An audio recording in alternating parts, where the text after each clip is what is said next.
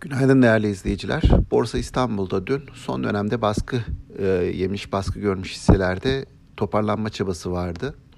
E, BIST 100 endeksi günü %0.9 artışla 5000 seviyesinde kapattı.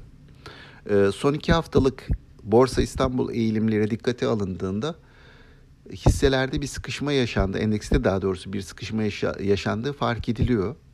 E, burada bizim dikkatimizi çeken noktalardan birisi şu. E, bazı hisselerde yukarı potansiyellerin e, nispeten azaldığı, tüketildiği, buna karşılık e, geride kalmış hisselere geçiş yönünde, portföy değişiklikleri yönünde bir çabanın olduğu e, söylenebilir. Tabii e, borsanın genelini yukarıya taşıyacak kadar güçlü olmadığı için beklentiler endeks bu seviyelerde e, takılmış gibi e, görünüyor. Bir yandan da borsaya dönük ilgi de devam ediyor. Alternatif piyasalarda getirinin düşük kalmış olması nedeniyle e, girişler de e, zaman zaman gözlenebiliyor. Bu eğilimlere baktığım zaman ben hani çok kuvvetli bir yükseliş için şu anda yeterli sinyal yok. Daha ziyade endeks bu 5000 seviyesinin üzerinde tutunmaya çalışacak. Bu seviyelerde şimdilik hisse değişiklikleri göreceğiz gibi bir e, izlenim ediniyorum.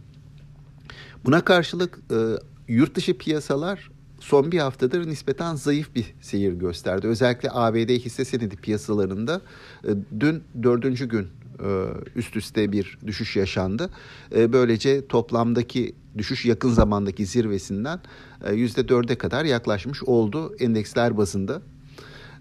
Burada ABD tarafındaki satışların gelmesi tabii yine ekonomik beklentilerle ilgili farklı kurumlardan 2023'ün zor geçeceğine dair işten çıkarmalar olabileceğine dair açıklamalar geliyor.